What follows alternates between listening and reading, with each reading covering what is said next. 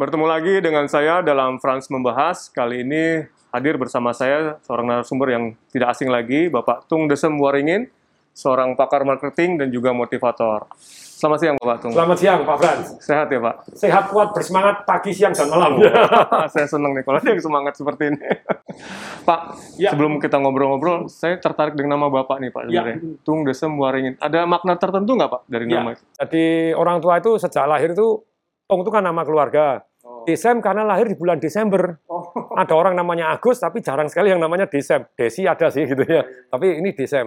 Terus kemudian Waringin tuh diharapkan seperti orang tua saya, seperti saya pohon beringin, ngayomin orang banyak begitu ya. Oh, berarti cita-cita orang tuanya tercapai dong Pak. Mudah-mudahan. Semoga gitu ya.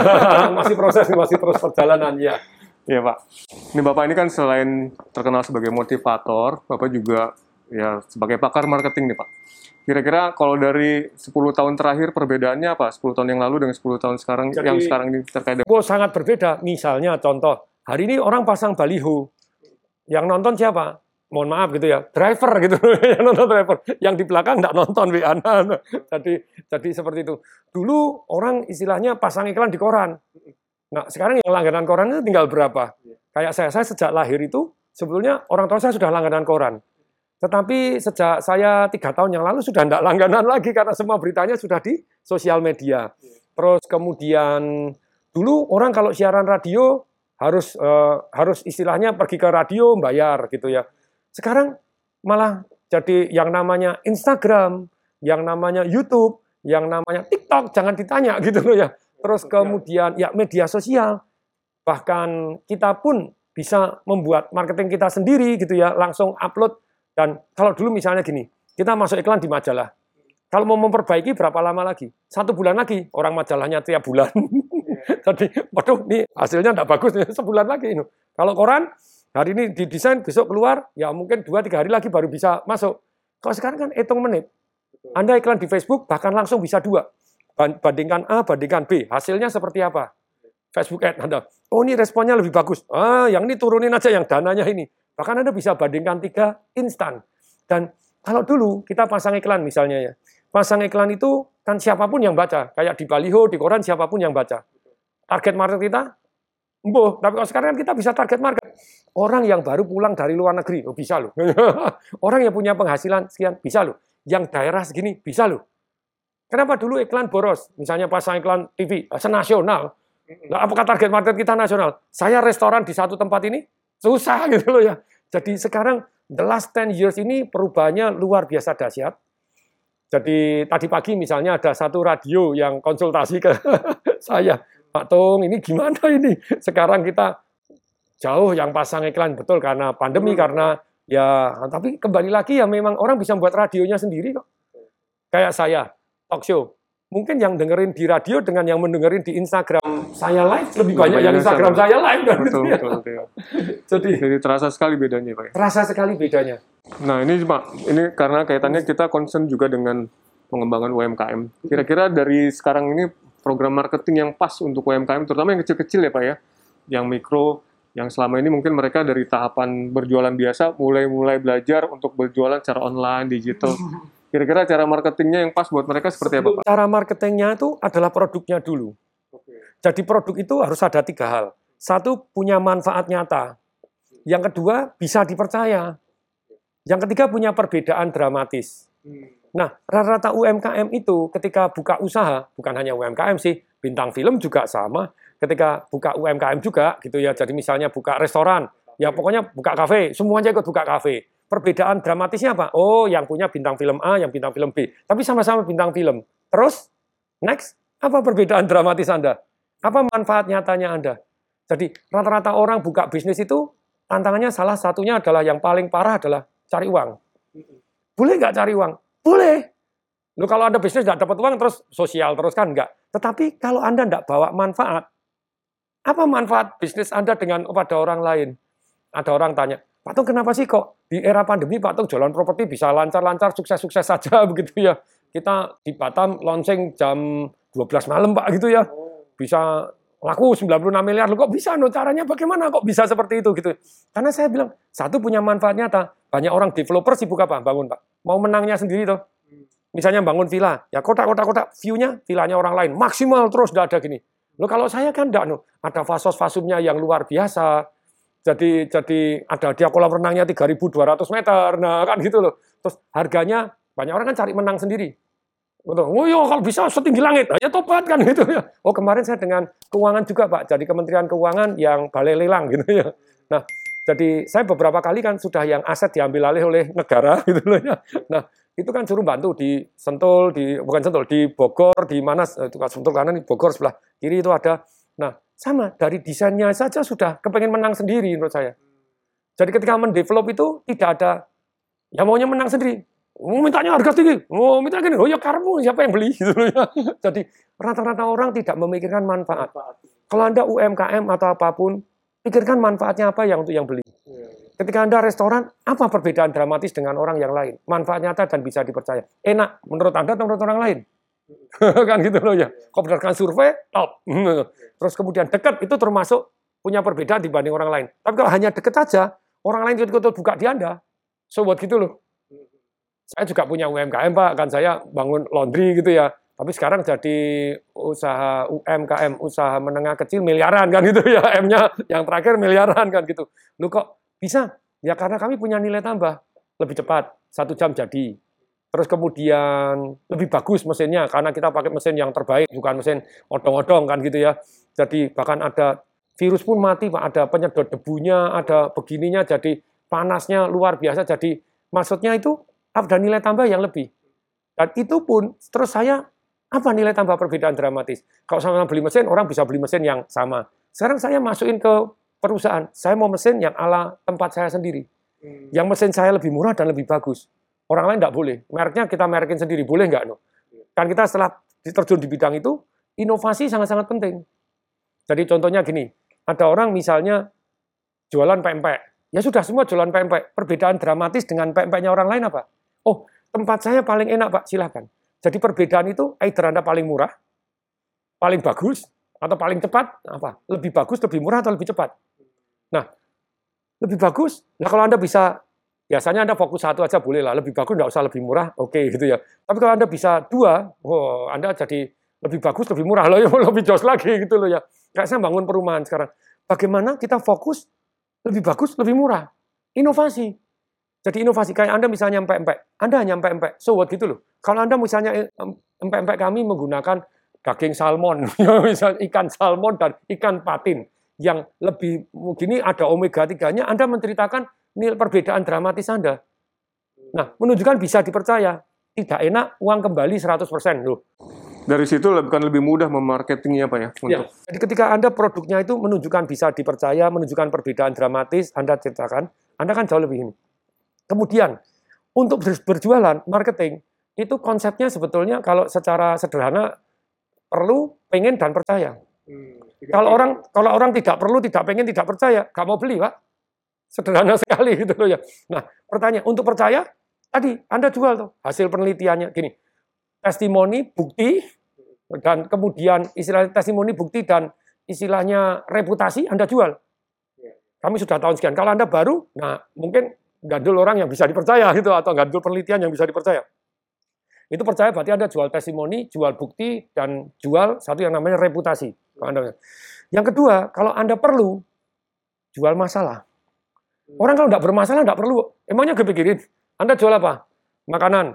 Oh ya kalau saya sungkan sih karena yang jualan Pak misalnya Pak Frans jualan siapa, saya sungkan, ya beli itu karena sungkan. Apakah beli rutin? Belum tentu. Iya. Tapi kalau saya perlu, saya akan beli rutin. Nah, perlu ini sebetulnya jual masalah. Contoh hari ini kalau orang jualan properti, nih, kalau saya jualan ya saya jual masalah. Yakin duit Anda masih tetap daya belinya. Ayo, gitu loh ya. Setiap resesi, setiap krisis, kalau dari keuangan tolong saya dicek gitu ya kalau saya salah, setiap resesi krisis selalu terjadi inflasi. Ya atau enggak? Dan inflasi jauh lebih besar. Sekarang saya tanya nih, besi naik 133 persen, sekarang sudah katanya 200 persen lebih. Kalau besi naik, kira-kira properti naik enggak? Harusnya naik. Nah ini kan sederhana sekali tuh. Komoditi uh, yang namanya, nah ini ini namanya menjual masalah pak. Ketika anda menjual masalah itu sell something yang kamu tidak beli, bener nih. Duitmu mau ditaruh bang aja. Nah kalau lupa target market ya mohon maaf. Tapi kalau kita tepat target market, ya anda jual masalahnya. Kalau tidak beli apa gitu loh ya. Nah kemudian berikutnya pengen Kalau pengen tuh jual peluang. Anda menciptakan peluang, Anda menciptakan paket hadiah, menciptakan paket diskon, menciptakan lupa bagaimana diskon? Ya susah ngomong kita. Orang sekarang sudah mepet. Kalau saya, saya senang naikkan harga, saya bisa diskon, bisa hadiah daripada saya marginnya terlalu tipis. Hmm. Rata-rata orang terjebak dalam pikirannya sendiri. Oh, kemarin saya diskusi sampai malam sama asisten saya, sama staff saya, begitu loh. Nah, kalau misalnya, misalnya pajak, ini ngomong kita pajak. Pajak itu kan cuma Anda rela atau enggak? Ya. Betul enggak? Rela caranya gimana? Loh, kalau memang harus kena PPN, jadi ya naikkan aja 10%. Gitu aja kok repot. Oh, saya enggak rela Pak, dipotong 10%. Anda enggak dipotong, woi. Anda menaikkan 10% yang bayar customer-nya kok. Betul, ada tantangan. Sebelah enggak bayar itu Pak, kami ada tantangan. Nah, kalau dari saya tadi ngomong-ngomong sama Pak Frans, ya whistleblower dikasih hadiah aja Pak. Maksudnya apa? Suruh ngelaporin sebelahnya, dirahasiakan, dapat dendanya. Itu kan memasyarakatkan pajak. Tetapi itu kan istilahnya, kalau memang kategori kena PPN, ya ya ayo gitu loh ya ditambahin aja. Jadi tambahin aja selesai. Jadi cuman dalam hal ini banyak orang cara berpikirnya tadi, wah Pak kalau diskon kita marginnya terlalu tipis. Ya Anda boleh naikkan harga atau masuk enggak boleh. Pak saya ngasih hadiah enggak punya budget. Jadi naikkan harga kan bisa gitu loh ya. Jadi jadi banyak cara yang sebetulnya memungkinkan Anda kayak saya misalnya, dana marketing orang jualan properti jualan apa? Dana marketing 3%. Saya enggak pernah senang. Mending dana marketing 12%. Hmm. Loh, kalau tiga persen Anda ngasih komisi agen sudah berapa, untuk keluar-keluarnya berapa untuk ngasih dana marketing 12 persen selesai kan gitu loh ya. Jadi jadi kungfunya lebih banyak. Nah, kalau boleh saya share buku saya Marketing Revolution ya. Jadi secara sederhana kalau satu kata itu penawaran. Jadi marketing itu adalah Anda menawarkan. Kalau marketing revolution saya dalam dua kata, penawaran yang menarik. Kalau tiga kata penawaran menarik banget. Kalau setengah kalimat, marketing revolusi adalah membuat penawaran menarik banget, orang nggak mau beli, kesannya goblok luar biasa, selesai. menarik, menarik. Nah, kalau marketing revolution saya dalam bentuk lengkap gitu ya, terdiri dari apa sih 400 halaman tadi? Marketing saya adalah membuat penawaran yang menarik. Gini, kalau Anda belum laku, satu di antara lima pasti miss. Lima ini aja gitu ya. Penawaran Anda sudah menarik nggak? Menarik menurut Anda atau ada perbandingannya? Ya, Anda, Anda kan gini, misalnya kayak tadi dari salmon. Salmon itu satu kilonya sekian ratus ribu. Nih kami untuk percobaan pertama, untuk 10 yang pertama, cuma sekian ribu jadi diskonnya. Jadi, jadi ada perbandingan menarik. Orang jual properti kemarin di yang yang balai lelang nanya saya lu, lah problemnya anda jualan properti gundulan enggak menarik penawaran dijual properti. Nah, ini kan enggak menarik. Coba dikasih gini, dijual properti, dijual cepat, butuh uang banget, sudah lebih menarik enggak? Oh, orang mencium mencium bau darah katanya. Kalau ikan hiu mencium bau darah. Kalau Anda dijual cepat butuh uang, butuh uang banget. Terus kemudian begini, sebelah 5,4 miliar, saya 2,4 miliar. Loh, nah, Loh, sebelah kan propertinya selalu ada properti ada selalu orang minta lebih tinggi. Aneh aja gitu ya properti itu selalu tidak standar itu. Terus kemudian atau Anda misalnya tidak bisa, Anda buat kerjasama sama bank. Kemarin kan ada sponsor-sponsor bank. Saya bilang sama bank, dijual properti, kemudian sama banknya kerja sama. Bang, gini, orang itu lebih mahal sedikit, tidak apa-apa, asal cicilannya mampu. Hmm. Betul toh? Ya, ya. Saya hubungin bank, Pak, kalau saya jual gini, begitu ada orang beli, eh, tenang Pak, ini cicilannya cuma 4 juta. Kita didukung oleh bank A, B, C, D, E. Lu banknya mau dukung dengan senang hati. Ya, ya. Ada sih bank yang tidak senang. Lu nanti kalau tidak cocok, ya jangan dikasih kredit loh, ya Anda analisa dulu dong gitu ya. Tapi balik lagi, penawaran Anda kalau belum laku ingat, penawaran Anda mungkin tidak menarik. Menarik itu selalu dibandingkan dengan kanan dan kiri. I'm so sorry. Why I must buy from you? Kenapa tidak dari orang lain? Sama-sama empek-empek, kenapa dari Anda? Kenapa tidak dari orang lain? Oh, empek-empek kami lain, Pak. Kami bukan hanya ikan biasa, kami ada ikan bandeng, Pak. Rasanya, oh jangan tanya. Kami variannya ada lima. No. Jadi, jadi orang orang jadi kepengen tahu. Kepengen tahu, kemudian menarik menarik. Yang kedua, sudah bisa dipercaya belum? Kalau di marketing revolution, percaya itu ada 10 salah satu yang terbaik money back garanti ini.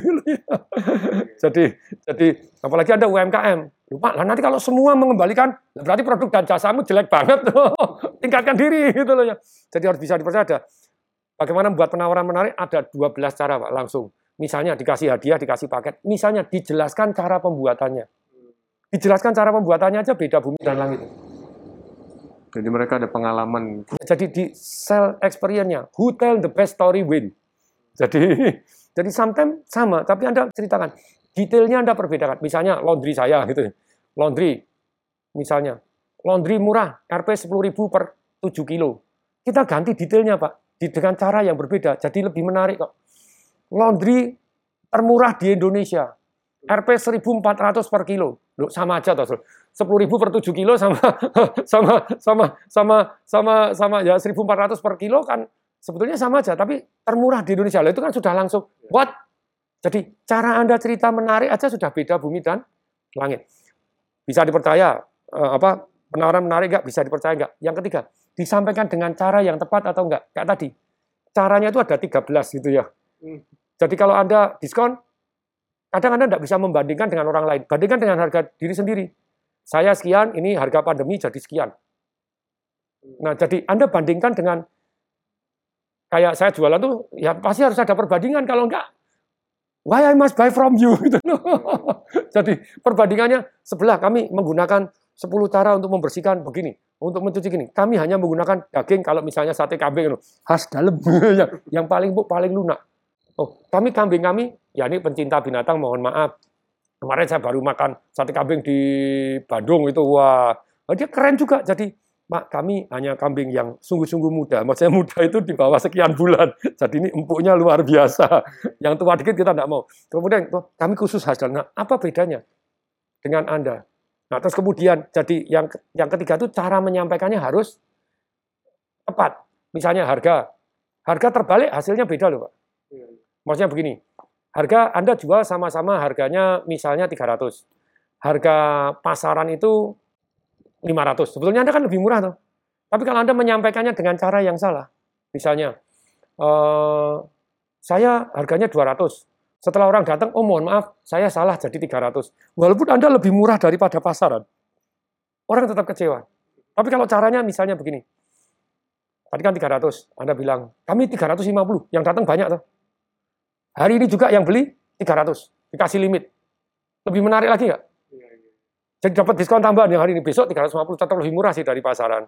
Nah, cara menyampaikannya kebalik, hasilnya bumi dan langit. Kemudian ini ada 13 cara Pak. Kemudian yang yang yang yang keempat, harus kena target market yang tepat dalam jumlah yang banyak. Nah, makanya sekarang dalam dunia digital ini, Anda bisa keluar-keluar tepat target market dalam jumlah yang banyak. Orang yang punya penghasilan sekian, orang yang punya sekian.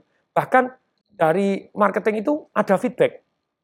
Anda mau look alike, macam look alike itu ketika Anda, oh, Anda marketing toh. Saya mau customernya yang 25 sampai umur 50. Ternyata yang beli paling banyak itu 30 sampai 35.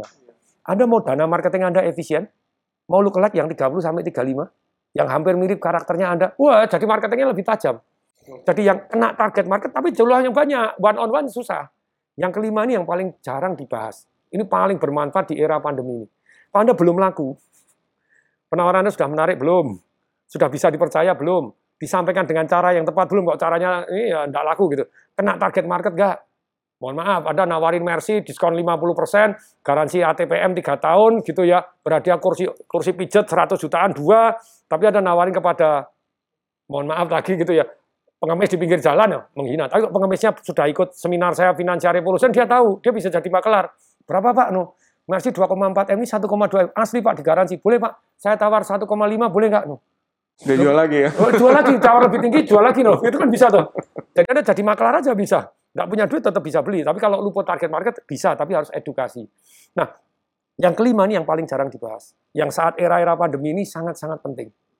Era-era pandemi, orang gimana jawabannya? Mau beli apa? Entar sok, entar sok. Hari ini coba, kalau saya salah tahun dilalat. Deposito di atas 5 miliar naik berapa? 1.100 triliun. Data LPS Pak gitu ya. Nambah naik 49 persen jumlah rekeningnya tetap 108 ribu. Nah, mereka tidak beli. Mereka tadinya ke luar negeri jadi tidak ke luar negeri, tadinya beli mobil jadi tidak beli mobil, tadinya mau apa jadi tidak beli. Jadi duitnya. Lah, bagaimana kita membuat mereka mau beli? Ini yang kelima, hukum keterbatasan. Kalau ada hukum keterbatasan, kayak tadi misalnya, Anda nawarin, Pak, mau empek-empek. Itu menurut saya telanjang. Tapi lumayan Anda sudah berani, itu lebih baik daripada Anda diem. Kok diem kan aliran kebatinan. Beli. Enggak, ya enggak beli loh. Emangnya orang lain ahli kebatinan semua. Enggak. Jadi Anda harus berani keluar-keluar. Terus dites dan ukur mana yang bagus di ini. Tapi balik lagi ada limitnya. ketika saya WA, nah rata-rata orang WA sekarang kan WA belas jualan. Boleh nggak? Boleh. Kalau Anda punya perbedaan dramatis. Hmm. Masker misalnya, ada perbedaan dramatis. Wah, Pak ini ada serongan sini, ada sedotan ini. Saya beli. Karena tidak ada perbedaan, tidak ada beda dengan maskernya orang lain. Oh Pak, yang itu ada serat silvernya Pak. Jadi kalau dipegang gini virusnya mati. Ah, ini ada perbedaan. Di blast gitu aja saya beli. Di blast gitu aja saya beli. Tapi kalau sama-sama masker, sobat gitu loh. Nah, perbedaan dramatis sangat penting. Anda mulailah dengan inovasi, terus marketing itu mulai diukur, tes dan ukur, tes ukur, plus tadi Pak, jadi ketika kita mau WA, marketing melalui WA, banyak orang ngeblas-ngeblas orang saya kalau tapi kalau saya sapa beda. Selamat siang Pak Frans, beda nggak? Iya, iya beda. Personalize ya, Pak. Uh, personalize dan kalau misalnya satu grup, misalnya grup dari staf ahli istilahnya untuk pengawasan pajak misalnya begitu. Kapan saya diangkat? Ini boleh juga. Tapi misalnya, misalnya seperti itu, sama-sama grup gitu ya. Tapi saya belum kenal sama Pak Frans. Langsung saya tawarin, Pak, masker. ya, ya, enggak enak. Tapi kalau saya, saya selamat siang Pak Frans, saya Tung Diseparingin, satu grup di pengawasan pajak Pak. No, salam kenal karena saya percaya bahwa silaturahmi itu memperbesar rezeki dan memperpanjang usia. Saya doain ya, semoga Pak Fran sejahtera.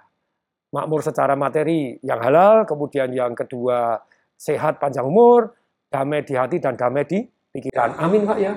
Amin. Amin. Nah itu kan dijawab tuh. Begitu amin. Jangan jualan dulu. Itu lo belum apa-apa. Oh, jualan terus, jualan terus. Ya angel itu. Setelah amin, terus kemudian mulai WA kedua gimana? Selamat siang Pak, ini ada video humor yang siapa tahu mencerahkan siangnya Pak Frans. Nah itu kan seneng tahu. Ini Pak saya kirim ya. Oke. Terus kemudian besok ada cerita Pak yang menyentuh hati. Setelah tiga. Yang keempat mulai. Oh ya Pak.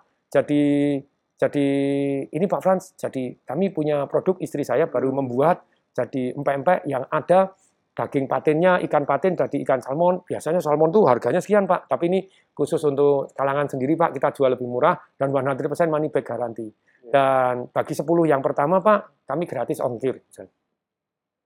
Ada limitnya. Ada perbedaan dramatis. Ada 100% money back garanti jadi ya inilah yang membuat penawaran itu jadi lebih menarik daripada menurut saya gundulan gitu loh ya. Komplit sekali nih dari Bapak. Dan selain teori, Bapak juga praktek kan ya tadi punya usaha laundry, punya usaha properti, jadi komplit jadi semuanya. Nah sekarang ini Pak, pembahasan mengenai Dijen pajak nih Pak. Ini mungkin kalau orang dengar pajak kan kayaknya rasanya ah males nih jadi apa gitu. Ya. Tapi saya pengen mungkin ada tips dari Bapak kalau misalnya bagaimana sih Direktur Jenderal Pajak itu supaya bisa lebih kenal tapi dengan nuansa yang lebih tadi lebih baik dan juga Keren, tidak ini eh, luar biasa nih Pak tidak. Frans, ini luar biasa.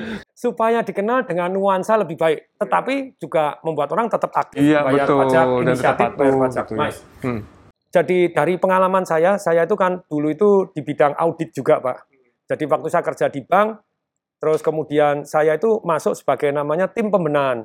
Maunya pembenahan itu jadi bukan nyari salah terus dihukum. Jadi dibetulin supaya benar. Nah, supaya pajak ini jadi nuansanya lebih bersahabat, tetapi juga orang-orang jadi tetap jadi inisiatif bayar pajak, Pak. Itu kan kombinasi antara jadi gini loh, Pak. Jadi antara kita membantu, membantu kan nuansanya baik. Mengampuni nuansanya baik.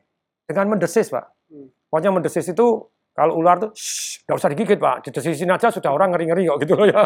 Nah, kalau kalau kalau kalau saya jadi eh, di pengawasan pajak atau saya di pajak, mohon maaf, saya yang saya lakukan gitu loh ya, supaya orang tertib ada beberapa pak ini. Orang tidak bayar itu satu karena tidak tahu, tidak mau, dianggap ribet, dianggap membebani, tentu saja kan gitu ya. Terus kemudian tidak mampu, tidak mampu. Nah kita ini caranya ngatasin ada beberapa. Satu adalah kita per klaster, itu namanya kita pengampunan pajak bukan pengampunan yang seperti hari ini di Anda ngaku kurang bayar, Anda bayar gini. Enggak.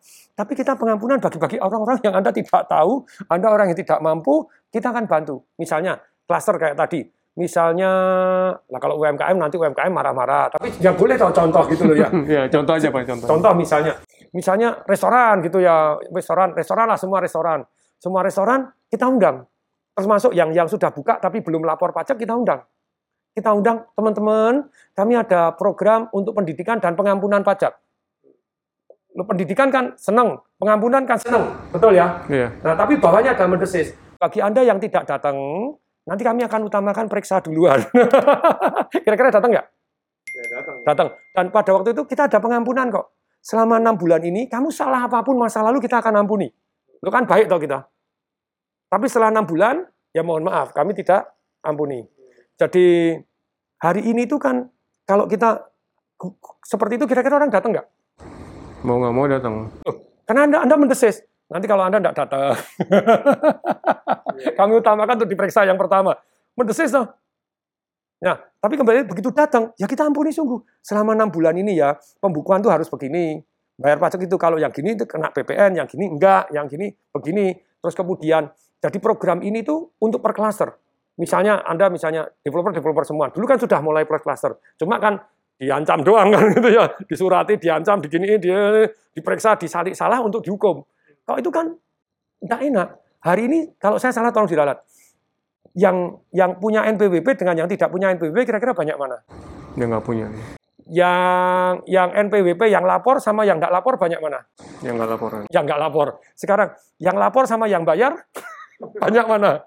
Banyak yang nggak bayar. Loh, berarti kan gini toh. Yang tapi kan dari pajak kan sibuk istilahnya berburu di kebun binatang ya enak dong kebun binatang kan paling enak. Padahal di luar sana kan masih banyak.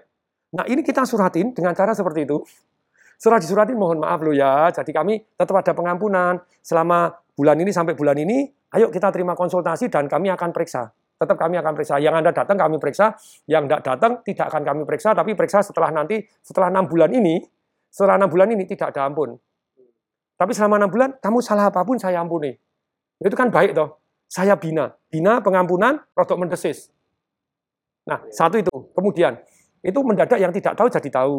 Yang tidak mau mendadak jadi mau. Kan gitu toh. Ya sudah jadi mau. Tetapi ada juga yang yang yang ceritanya begini. Sampai ada yang bandel. Nah ada orang mau bayar pajak itu misalnya satu toko. Kalau kena ngenain PPN sebelah enggak? Akibatnya beli di sebelah sudah harganya untungnya tipis mau dinaikin sama PPN enggak mau sebelah beli sebelah nah itu apa sebetulnya sudah dipraktekkan di di negara-negara maju yaitu namanya whistleblower jadi kalau anda melaporkan anda dapat hadiah dari dendanya gitu ya. Yeah. Separuh dari denda itu untuk whistleblower.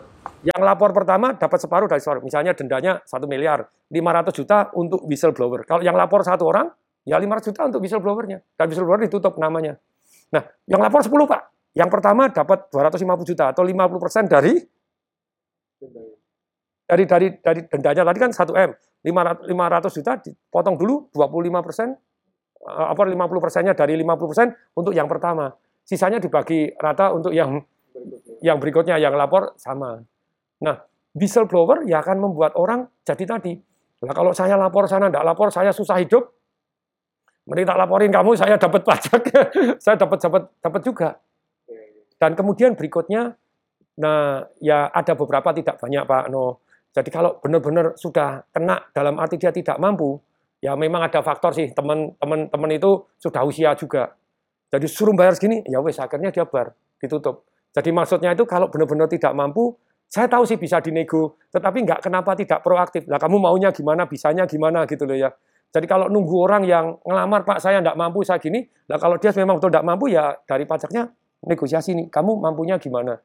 Jadi ada program-program istilahnya ya ya wes gimana daripada Kan saya tahu sih ada yang diajarin bahwa dari pajak itu kan tidak boleh memotong angsanya. ada boleh memotong. Lah telurnya dipotong angsanya tidak bertelur lagi, tidak bayar lagi kan gitu loh ya.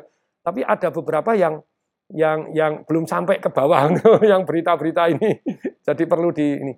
Jadi untuk tahu dan mampu serta yang mau tadi dengan program pemeriksaan yang mendesis dan membina dan mengampuni, terus kemudian ada whistleblower mestinya pajak ini ya kan kita sudah mengampuni loh. Nuansanya kan baik, akrab.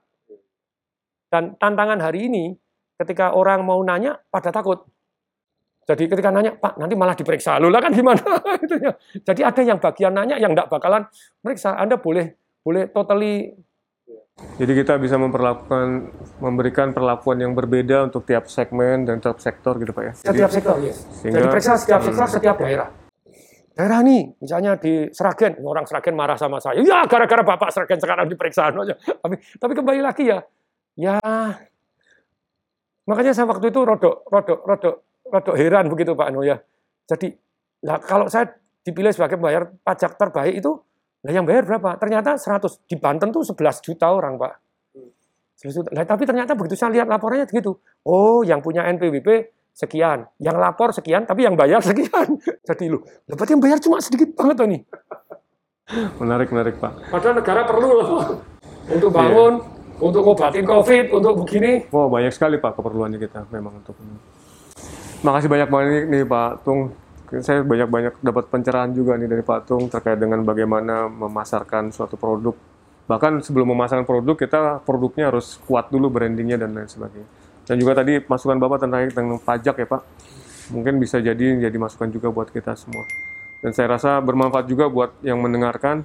Dan terima kasih banyak. Terima kasih banyak Pak Tung atas masukan-masukannya, sangat bermanfaat. Dan saya yakin bermanfaat juga buat yang mendengarkan. Terima kasih, sampai ketemu lagi Pak ya. Salam sehat selalu Pak Tung. Terima kasih.